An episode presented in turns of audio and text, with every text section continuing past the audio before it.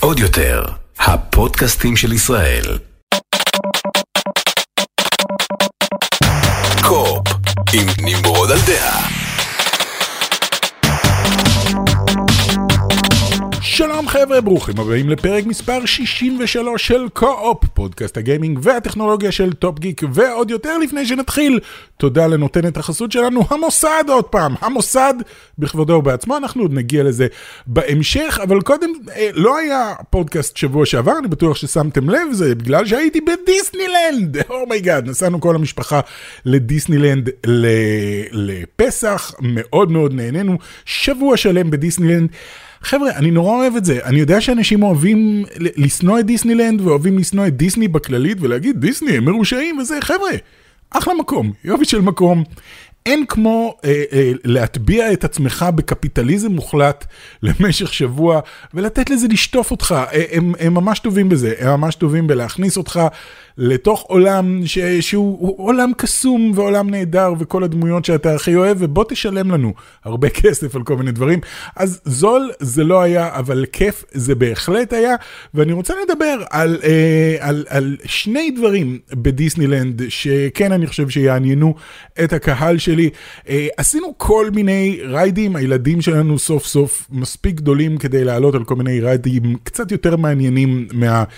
אתם יודעים, צלוחיות התה האלה המסתובבות שהיינו עושים אלף פעמים, או הקרוסלה וכאלה, עכשיו הם יכולים לעלות על ריידים אמיתיים. ה ride של רטטוי ממש מגניב, אה, יש עוד כל מיני, ה ride של באז מאוד מאוד אוהבים, כי הם מאוד אוהבים את Toy Story, אבל אה, אני ומייקי עלינו על Star Tours, אחד הריידים האהובים עליי כבר הרבה זמן. יצא לי להיות על Star Tours. הישן, מי שלא יודע, Star Tours קשור ל Star Wars, אה, בדיסני, בדיסנילנד היה ride של Star Wars הרבה לפני שדיסני קנו את Star Wars, אני לא יודע איך בדיוק זה עבד ולמה זה קרה, אבל זה קרה והיה שם אה, יופי של ride של Star Wars שנקרא Star Tours. אה, עכשיו, הייתה לזה גרסה ישנה שהתייחסה אך ורק לסרטים המקוריים, לפרקים 4, 5 ו-6, ואז כשיצאו ה prequels הם אמרו, היי, בואו נחדש גם עם כל הטכנולוגיה שיש לנו, בואו נחדש גם את ה ride. איכשהו יצא לי לנסוע גם על ה ride הישן יותר, ואני די שמח שעשיתי את זה, כי אפשר לראות את ההבדל הגדול בטכנולוגיה. ה ride, ה ride עצמו, אתם נכנסים כאילו לתוך אה, סוג של חללית נוסעים כזאתי, שאמורה לקחת אתכם לנסיעה שקטה מכוכב אחד לכוכב אחר, מין אוטובוס חלל כזה, אה, ואז הכל משתגע, ומגיעים כאילו ה Millennium Falcon ו Darth Vader וכל מיני כאלה, ואתם... ב ride הישן מגיעים ל Death Star ועושים את ה trench run שיש שם את כל הקטע של לפוצץ את ה Death Star, אתם כאילו משתתפים בקרב הזה למרות שאתם לא אמורים להיות שם. אז עכשיו שדרגו את זה, והאמת ששדרגו את זה בצורה שהיא הרבה יותר עמוקה ממה שאני חשבתי שהיא. אה, קודם כל ה ride הוא עכשיו בתלת מימד, אתם שמים משקפי תלת מימד, ואז הכל נראה הרבה יותר מציאותי, זה לא נראה כאילו שאתם רואים סרט קטן דרך השמשה הקדמית, אלא זה ממש מרגיש כאילו שאתם נמצאים שם ומשחקים. משחקים מאוד מאוד טוב עם התלת מימד, ויחד עם התנועה של הרייד עצמו, זה מרגיש מאוד מאוד מציאותי ומאוד מאוד כיפי. מעבר לזה הם החליפו גם, פעם היה מין רובוט מוזר כזה בתור טייס, ועכשיו זה אשכרה רובוט של C3PO שיושב מקדימה וכאילו מטיס את, ה, את הרייד עצמו. ומה שלא ידעתי זה ש... עשינו את הרייד פעם ראשונה, אני ומייקי, וטסנו מכוכב לכוכב, אני לא זוכר לאיזה כוכבים הגענו, לנבול, לטאטווין, לא משנה, אתם עוברים בין כוכב אחד לשני, אתם עוברים שלושה כוכבים, ואז נגמר הרייד, והיה ממש מגניב, ויום למחרת אה, מייקי רצה עוד פעם, אמרתי יאללה בואו נעשה את זה עוד פעם. והרייד היה שונה לגמרי, זאת אומרת, הפעם הגענו לשלושה כוכבים אחרים לגמרי. ואז אמרתי, רגע, יש לזה כמה גרסאות, וגם באמצע פגשנו, בפעם הראשונה פגשנו את... אה, את יודה, ובפעם השנייה פגשנו את פרינסס לאה, וכאילו דברים שונים לגמרי. אז נכנסתי לאינטרנט לבדוק כמה גרסאות שונות יש לזה, והיה כתוב 60 ומשהו. אה, איך זה יכול להיות 60 ומשהו? מסתבר שכל פעם שיוצא סרט חדש של סטאר וורס, הם לוקחים את, ה, אה, את הקבצים של הכוכבים שהם בנו, זאת אומרת את הגרפיקה ואת כל הדברים של הכוכבים החדשים שהם מציגים בסרטים האלה, ומכניסים אותם לתוך הרייד. אז כל פעם שיוצא סרט חדש של Star Wars, אתם יכולים גם ללכת ל Star Tours ולחוות את הכוכבים האלה אה, בעצמכם. עכשיו הקטע הוא שזה... אה, עושה רנדומיזציה, זאת אומרת כל פעם זה שלושה כוכבים אחרים, הוא לוקח מתוך כל הבנק של הכוכבים שיש לו, שלפי מה שהבנתי זה 20 ומשהו כוכבים, 25, 26 כוכבים עכשיו אחרי uh, Rise of Skywalker, והוא עושה ביניהם, כאילו מערבב ביניהם, אז אתה אף פעם לא יכול לדעת מה זה. בקיצור, Star Tours ממש מגניב. מעבר לזה אני רוצה להמליץ גם, היינו בשני מלונות. Uh, פעם קודמת שאני וקריין היינו בדיסנילנד פריז, כל זה קורה בדיסנילנד פריז, היינו במלון שנקרא מלון ניו יורק, שהוא היה מה, הוא היה בסדר, הוא קרוב לפארק, אז זה נחמד, אבל המלון עצמו לא משהו. עכשיו הם החליטו לשדרג אותו, והם עשו אותו מלון מארוול. אז אם אתם מעריצי מארוול כמוני, וואלה אתם תהנו שם כי אתה נכנס שם ללובי ויש שם חליפות גדולות כאלה של איירון מן ויש שם המון המון ציורים וארטוורק ואת השל, את השילד של קפטן אמריקה וכל מיני דברים ממש ממש מגניבים וכל החדרים מעוצבים אה, בתור מרוויל וגם משהו שנורא אהבתי המספרים על החדרים הם באדום לבן כזה זה נראה כמו הלוגו של מרוויל. המלון עצמו הוא עדיין סביר, סביר מינוס לטעמי אפילו, אה, יש בו כמה דברים שאני לא אוהב, אבל כל החוויה הזאת של מארוול היא ממש ממש כיפית ומאוד מאוד מומלצת, ועכשיו הם גם בונים בדיסנילנד פריז את קמפוס אה, קוראים לזה, שהם פתחו כבר בקליפורניה אני חושב, ויש להם את ה-Avengers קמפוס עם ה ride של ספיידרמן, עם הרובוט של ספיידרמן שעף באוויר, עם אה, כל מיני דברים, אתם יכולים לפגוש שם את כל הדמויות, יש שם מופע של דוקטור סטרנג'. בקיצור, הם בונים עכשיו את ה Avengers Campus הזה גם בדיסנילנד פריז. לצערי זה עדיין, הם לא סיימו, אנחנו יכולנו להסתכל מעבר לגדר ולראות חצי מה ride של ספיידרמן כבר מוכן, אה, אבל הם עדיין בונים את זה, אז בעוד, לא יודע, שנה, שנתיים, אני לא יודע מתי הם הולכים לסיים עם זה, אבל אתם תוכלו לנסוע לדיסנילנד פריז. לגור, ב, ב, לישון במלון של מארוול, שכולו מאובזר מארוול, וגם פגשנו שם את ספיידרמן, הצטלמנו איתו וכל מיני כאלה, אה, ועשינו עוד כל מיני תמונות נורא כיפיות, ויש שם הרבה הרבה דברים שקשורים למארוול, ואחרי זה ללכת משם ישר ל Avengers Campus, אתם יכולים לעשות לעצמכם יופי של מארוול holiday, one marvelous holiday, בואו נקרא לזה ככה. בואו נגיע לגיימינג, כי אני מקשקש כבר, אני לא יודע כמה זמן, על דיסנילנד ו Star Tours ומארוול. בואו נדבר על uh, מה שרוב האנשים דיברו עליהם, uh, דיברו עליו השבוע בכל מה שקשור לחדשות גיימינג, וזה שסוני ומייקרוסופט מתכננים להכניס לנו פרסומות לתוך המשחק, וכולנו נורא כועסים. חבר'ה, בואו נירגע, בואו קצת נוריד בעצבים ונוריד ב clickbait, כי כל מה שראיתי זה כל מיני אנשים שמדברים על איך אני הולך לשחק הילו, ופתאום באמצע היריות יעצרו ותעלה פרסומת לפיצה האט, ואני לא רוצה את זה. חבר'ה, זה לא יקרה. לא יקרה והם גם לא דיברו על זה בכלל. קודם כל זה לא יקרה במשחקים כמו הילו, או כמו Call of Duty, או כל משחק אחר ששילמתם עליו. הם מדברים על אה, משחקים שהם free to play, להכניס פנימה אה, איזשהו מודל שהם יכולים לשלב פרסומות בפנים, כדי להרוויח מזה כסף, כי המשחק הוא free to play, וסוני ומייקרוסופט לא מרוויחים מזה בתכלס.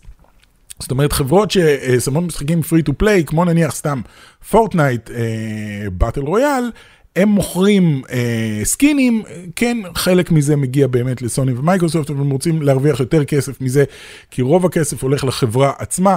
אה, והרעיון הוא להכניס, בעיקר במה שסוני כתבו, לא ברור לגמרי מה מייקרוסופט מתכננים, אבל סוני דיברו על זה שהם רוצים להכניס לתוך העולם של המשחק, כמו נניח על שלטי פרסומת במשחק, billboards וכאלה, או על מכוניות, או על כל מיני דברים כאלה, להכניס מוצרים מהעולם האמיתי, להכניס פרסומות למוצרים מהעולם האמיתי. עכשיו אני יודע שלחלק גם זה נשמע אה, נוראי, אני לא רוצה לשחק פורטנייט ולראות אה, קוקה קולה. א', פורטנייט זה הדבר הכי ממוסחר על כדור הארץ. מצחיק שאין לכם בעיה לשחק בספיידרמן החדש, או בדמות של אנצ'ארטד, שזה הכל פרסומת לסרט של אנצ'ארטד, זה בסדר, אבל אה, קוקה קולה זה לא בסדר. אבל לא מדובר גם אה, על זה. חברים, צאו החוצה, לא כרגע, אבל יכול להיות שאתם שומעים אותי בזמן שאתם הולכים ברחוב. צאו לרחוב ותסתכלו מסביבכם ותראו שאתם לא יכולים, אין מקום, אלא אם כן אתם גרים מחוץ לעיר, אין מקום שאתם יכולים להסתכל עליו שאין בו לוגו של איזושהי חברה. כל מקום שאתם מסתכלים עליו, יש בו לוגו של חברה. גם אם אתם מסתכלים על אוטו, על האוטו יש את הלוגו של החברה, על uh, uh, כל חנות יש את השלט שלה עם הפרסומת שלה, uh, בכל מקום יש שלטי פרסומת, הכל מלא פרסומות. העולם שלנו מלא פרסומות. זה כמו, זה קצת מזכיר לי את זה שחשבתי על, היי, בואנה, GTA בתל אביב, נקרא לזה TVA, לא יודע, משהו כזה, ואמרתי, ואז חשבתי על זה, כאילו הסתובבתי ברחובות והסתכלתי על הרחובות ואמרתי, בואנה, יש המון מכוניות חונות בכל מקום, אף פעם אין חנייה בתל אביב. צריך לרנדר מלא מלא מכוניות חונות, ואם אתה לא מרנדר מיליון מכוניות חונות, זה לא ייראה כמו תל אביב. זאת הסיבה שגם המשחקים שנניח ספיידרמן, שנראה מאוד מאוד כמו ניו יורק, זה לא ממש נראה כמו ניו יורק, א', בגלל שגם בניו יורק אין חנייה, אז אתה צריך לשים מכוניות חונות בכל מקום, וזה סתם אה, אוכל מהכוח חישוב, וב', אין פרסומות בשום מקום. יש פרסומות לכל מיני מוצרים שהם לא אמיתיים.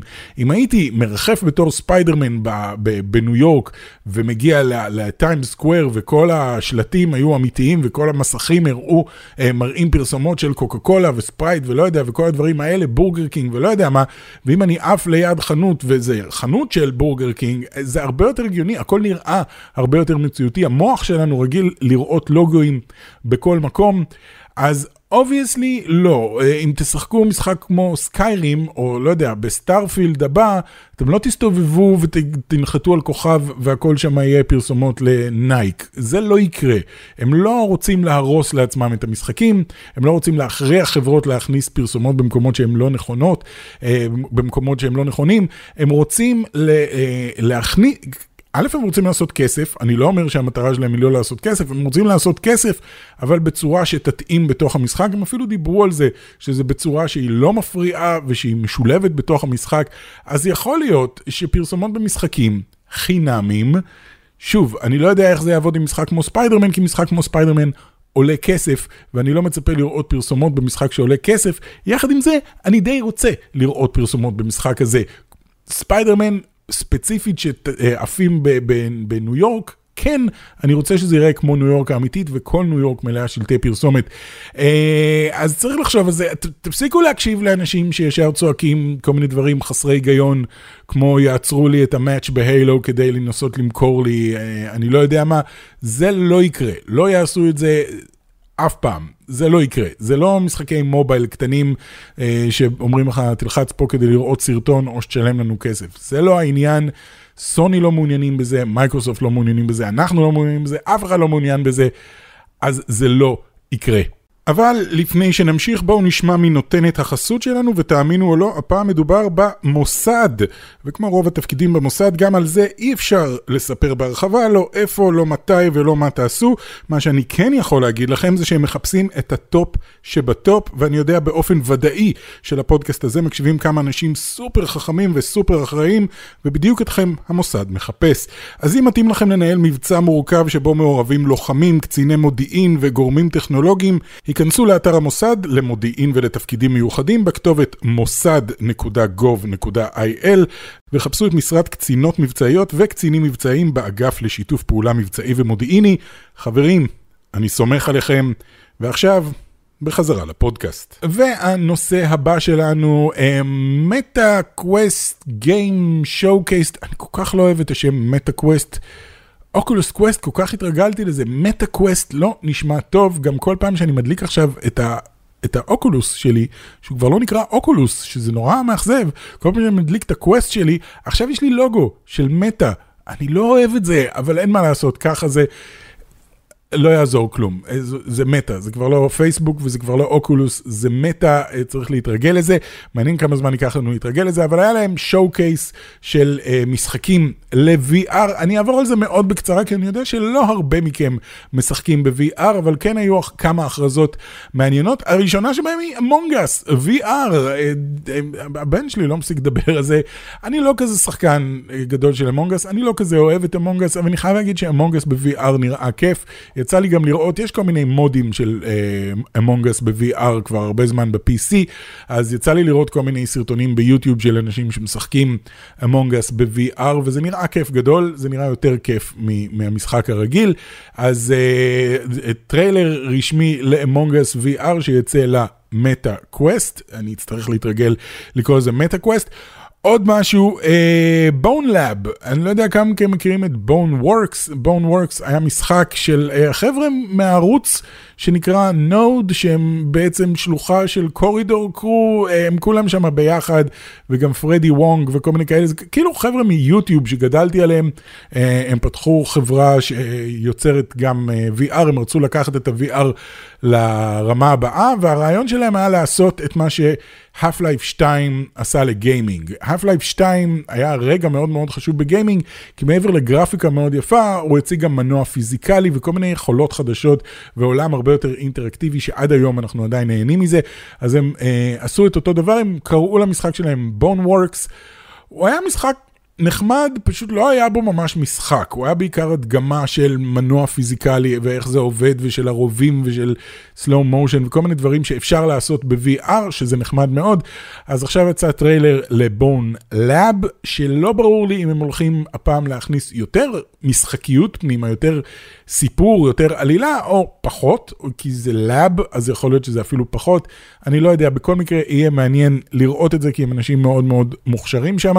Uh, Cities VR, שזה בעצם Cities Skyline.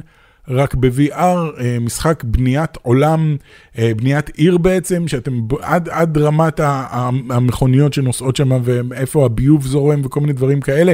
Cities Skyline משחק נהדר, Cities VR נראה קצת פחות טוב מבחינה גרפית, ובצורה מוזרה, באותו זמן בדיוק הוכרז עוד משחק שהוא בדיוק אותו דבר, גם כן בניית ערים, אני לצערי לא זוכר כרגע איך קוראים לו, אבל הוא נראה יותר טוב, אני חייב להגיד. Cities עומד מאחוריו כל ה-Cities Skyline, ויש להם הרבה תקציב, אבל נראה שזה גרפית ממש מאכזב. אמ, והמשחק השני שלצערי אני לא זוכר איך קוראים לו, אה, נראה יותר טוב, תחפשו גם כן building VR, משהו כזה, בילד VR, אם אני זוכר נכון. אה, מוס, בוק 2, מוס נחשב לאחד ממשחקי ה-VR הטובים ביותר, הוא יצא, אני חושב, בהתחלה רק לפלייסטיישן VR, אני עושה ככה כי הפלייסטיישן... VR עדיין פה מאחוריי. Uh, הוא יצא בהתחלה רק לפלייסטיישן VR, אחר כך הוא יצא גם לקווסט, מוס המקורי, ועכשיו יוצא מוס uh, 2, בוק 2, uh, משחק ההמשך, אז הוא יוצא גם כן אה, ישירות ל-Meta Quest. היה את Resident Evil Mercenaries, שזה Resident Evil 4 יצא ב-VR, ועכשיו אה, זה mode Mercenaries. אני לא שחקן גדול של Resident Evil 4, אז אני לא כל כך יודע על מה מדובר, אבל אנשים מאוד התרגשו מזה.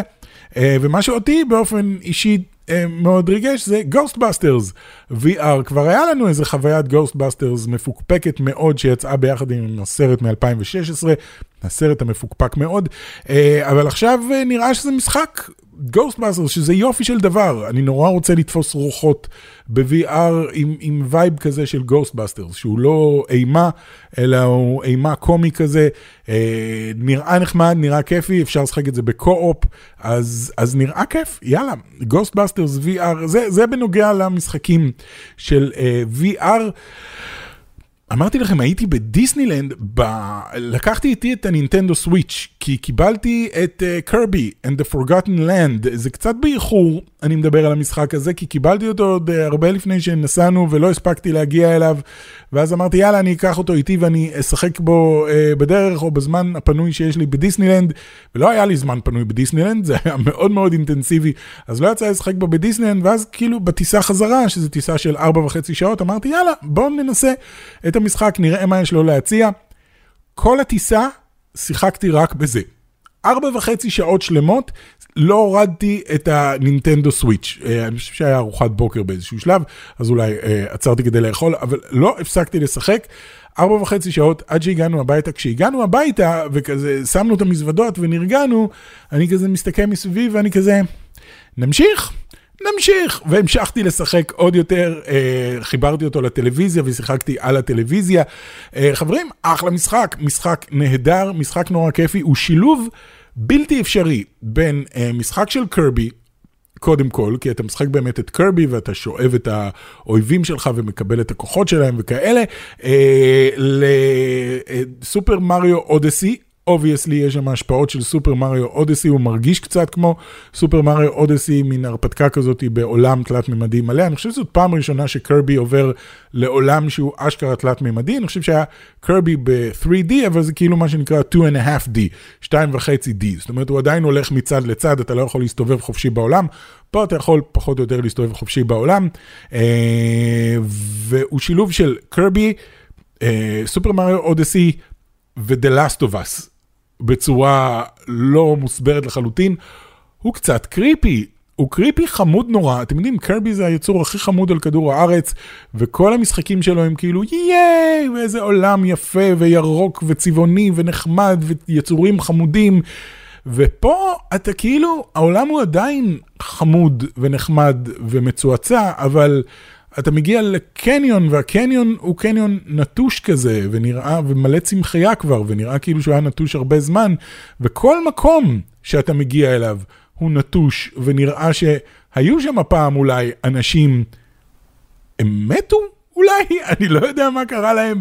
Uh, אתה צריך להציל יצורים כאלה שנקראים טווידל דיז, ווידל דיז, משהו כזה, שיכול להיות שהם אלה שחיו שם, אבל לא ממש, כי כל הזמן שאתה מציל אותם, הם מפתחים את הכפר שלהם, והם חיים שם. אני לא יודע מי היה חי שם, יש שם uh, שלבים די קריפים כאלה, אבל שוב, קריפי חמוד, והמשחק עצמו הוא די גאוני, זה קצת כמו סופר מריו אודסי. כל פעם מציג לך איזושהי מכניקה חדשה, ואז חוקר את המכניקה הזו לאורך שלב שלם. מה אנחנו יכולים לעשות עם המכניקה הזאת? הנה יש לך פטיש. מה אתה יכול לעשות עם הפטיש? בוא נתחיל מלדפוק למישהו בראש. אחלה. אחר כך פתאום מתחילים להופיע מסמרים בכל מיני מקומות, אז אני אדפוק על המסמרים, וכשאני דופק על אה, שלושה מסמרים, אז זה פותח לי דלת סודית. אחר כך מסתבר שאני יכול אה, לקפוץ ולעשות סיבוב באוויר עם הפטיש כדי להגיע למקומות שלא יכולתי להגיע אליהם. אחר כך מסתבר שאני יכול לטעון את הפטיש כדי לתת מכה יותר חזקה. כל הזמן הוא נותן עוד ועוד דברים, ואז ברגע שמיצינו את העניין הזה, סיימנו את השלב, אנחנו עוברים לשלב הבא, והוא מציג לנו מכניקה חדשה לגמרי. עכשיו, מעבר ללשאוב אויבים ולקבל את הכוחות שלהם, אתם שואבים את הדברים הכי מוזרים בעולם. אתם יכולים לשאוב, לשאוב בהתחלה אוטו, ואז אתם הופכים לאוטו ויש לכם שלב שאתם נוסעים בו. אוטו, סבבה, אני מקבל, אבל אז אתם שואבים מכונת משקאות.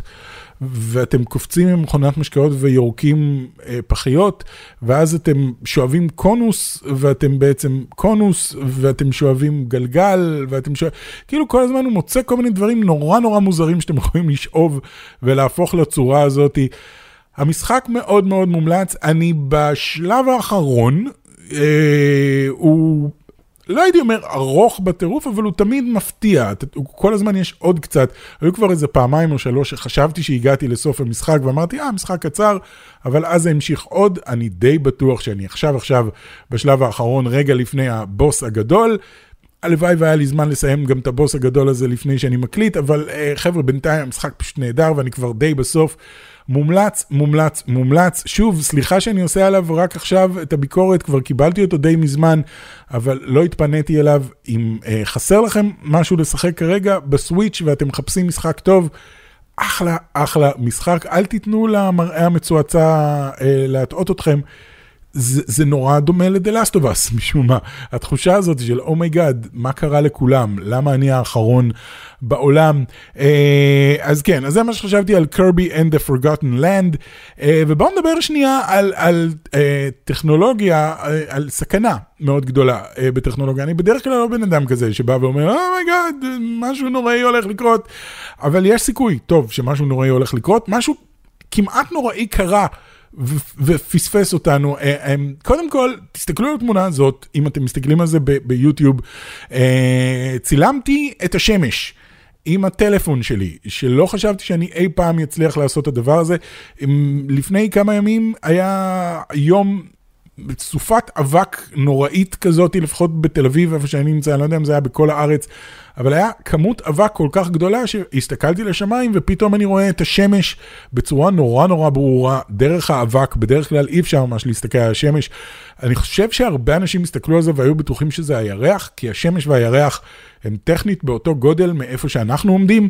השמש היא פי 400 יותר גדולה, אבל היא גם פי 400 יותר רחוקה, אז, אז זה יוצא ששניהם נראים basically באותו גודל, בגלל זה כשיש ליקוי ירח הוא מסתיר בצורה כמעט מושלמת את השמש, אבל פתאום ראיתי את השמש, ואז נזכרתי שבאמת אני יכול לצלם את הירח נורא נורא יפה עם הטלפון שלי, כי ה-Samsung Galaxy S21, Galaxy? Samsung S21 Ultra, זה עדיין Galaxy, אני לא זוכר.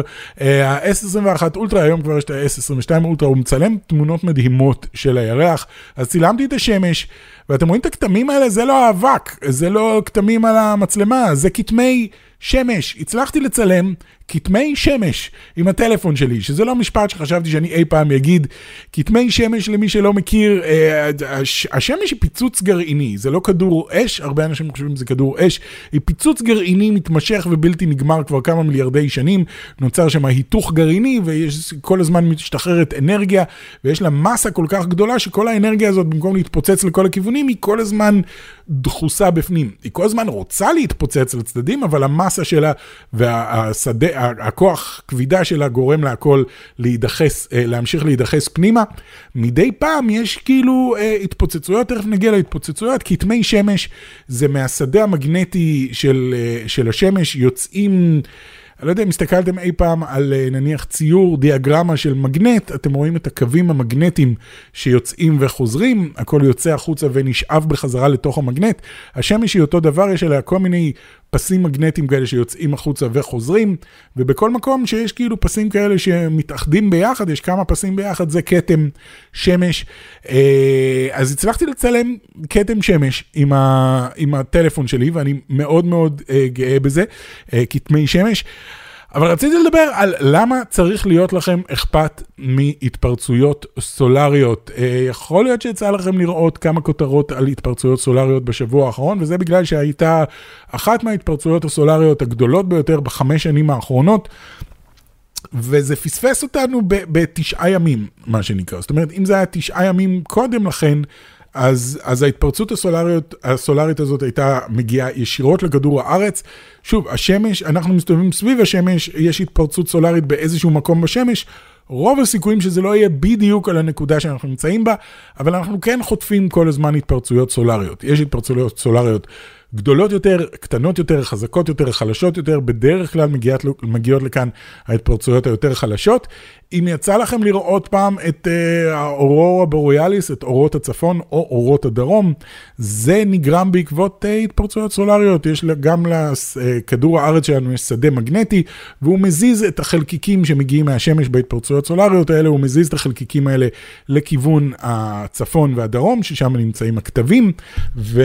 וזה מגיב עם גזים באטמוספירה ויוצר צבעים נורא נורא יפים וצורות נורא נורא יפות.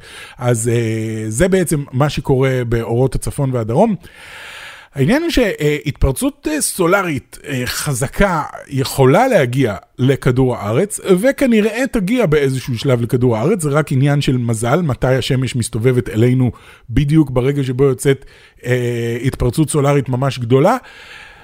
עכשיו, לאורך כל ההיסטוריה זה לא היה בעיה, אף אחד גם לא שם לב לזה, לדינוזאורים לא היה אכפת מהתפרצויות סולריות וגם לאנשים שחיו במשך אלפי שנים לא היה אכפת מהתפרצויות סולריות כי זה לא משפיע עלינו בשום צורה, אנחנו לא מרגישים את זה, אנחנו לא רואים את זה, לפעמים אפשר בלילה לראות אה, אורות כמו אורות הצפון באזורים אחרים בכדור הארץ, בגלל שהקרינה כן מצליחה להגיע, במקום להיות מוסטת לכתבים, היא כן מגיעה לאזורים שאנחנו נמצאים בהם, אבל אה, היום אנחנו חיים בעולם שהוא אה, כולו דיגיטלי, אנחנו חיים בעולם שכולו ממוחשב, הכל מנוהל על ידי מחשבים והאינטרנט הוא חלק בלתי נפרד מהחיים שלנו והכל מנוהל על האינטרנט. והתפרצות סולארית יכולה בקלות מאוד, זה כמו EMP, זה כמו Electromagnetic Pulse, זה יכול בקלות מאוד לשרוף אה, לוחות ורכיבים אה, אלקטרוניים. מאוד מאוד בקלות. דרך אגב, כל מה שמחובר לרשת החשמל, זה יוצר עומס על רשת החשמל, ואז זה יוצר עומס על המכשיר עצמו, והוא יכול לשרוף אותו בקלות. עכשיו, אני יודע שדבר ראשון שאתם חושבים עליו זה, אוי, לא, מה עם השמירות שלי בפלייסטיישן 5? חבר'ה, בואו אני אתן לכם תסריט מה קורה אם נופל החשמל למשך שעה אחת. אוקיי? שעה אחת, החשמל בעולם, כן? או בוא נגיד חצי כדור הארץ מאבד את החשמל למשך שעה אחת. אמ, בואו נתחיל מרמזורים, הכי קל. אה, כל הרמזורים מפסיקים לעבוד, תאונות בכמויות אה, היסטריות. אה, החשמל על מטוסים. Uh, המטוס uh, מפסיק לעבוד, uh, ואי אפשר, גם אם הוא ממשיך לטוס, אי אפשר לכוון אותו. אין שום דרך לדעת לאן אתה טס uh, ולאן אתה אמור להגיע, כי הכל אלקטרוני. מטוסים ייפלו מהשמיים, מכוניות יתנגשו, uh, מערכת uh, התפלת המים ומערכת שאיבת המים וכל המ... המים יפסיקו. Uh, מה עוד? Uh, רוב הדלתות... לא יודע אם להגיד, רוב הדלתות אה, בבתי סוהר הן דלתות אלקטרוניות, הן נשלטות על ידי חשמל, אתם סוגרים את זה מנעול אלקטרוני, יש סיכוי אה, שיש כאילו גנרטורים וכאלה, אבל בוא נגיד שיש כמה שעות או יום או יומיים בלי חשמל, אנחנו עלולים להיות בבעיה. אני די בטוח שבתי סוהר הם בסדר, הם יודעים איך לשפוך נפט או דלק לתוך גנרטור כדי להשאיר את הדלתות נעולות, אבל טכנית הדלתות האלה מוחזקות על ידי חשמל. אה, האינטרנט שלנו, הטלפונים שלנו, מערכות התקשורת, אה, הרדיו, הטלוויזיה, הכל, הכל מונע על ידי חשמל ועל ידי מחשבים, ואני לא מדבר על הפסקת חשמל כמו של חברת החשמל, היי, איזה באסה, בוא נדליק פנס. לא, אה, גם הפנס לא יעבוד כי הטלפון שלכם יפסיק לעבוד, למרות שטכנית הטלפון לא מחובר לחשמל, אז, אז יכול להיות שלא יקרה לו כלום בהתפרצות סולארית, אבל הרבה מאוד דברים פשוט יישרפו, זה לא, אה, ירד החשמל ועכשיו כשאני מדליק אותו חזרה, הכל חוזר לעבוד. נדליק את החשמל חזרה, לא יקרה כלום, כי הכל יהיה שרוף. והדברים האלה, יכול, וזה יכול לקרות, אה, ולמען האמת, השמש...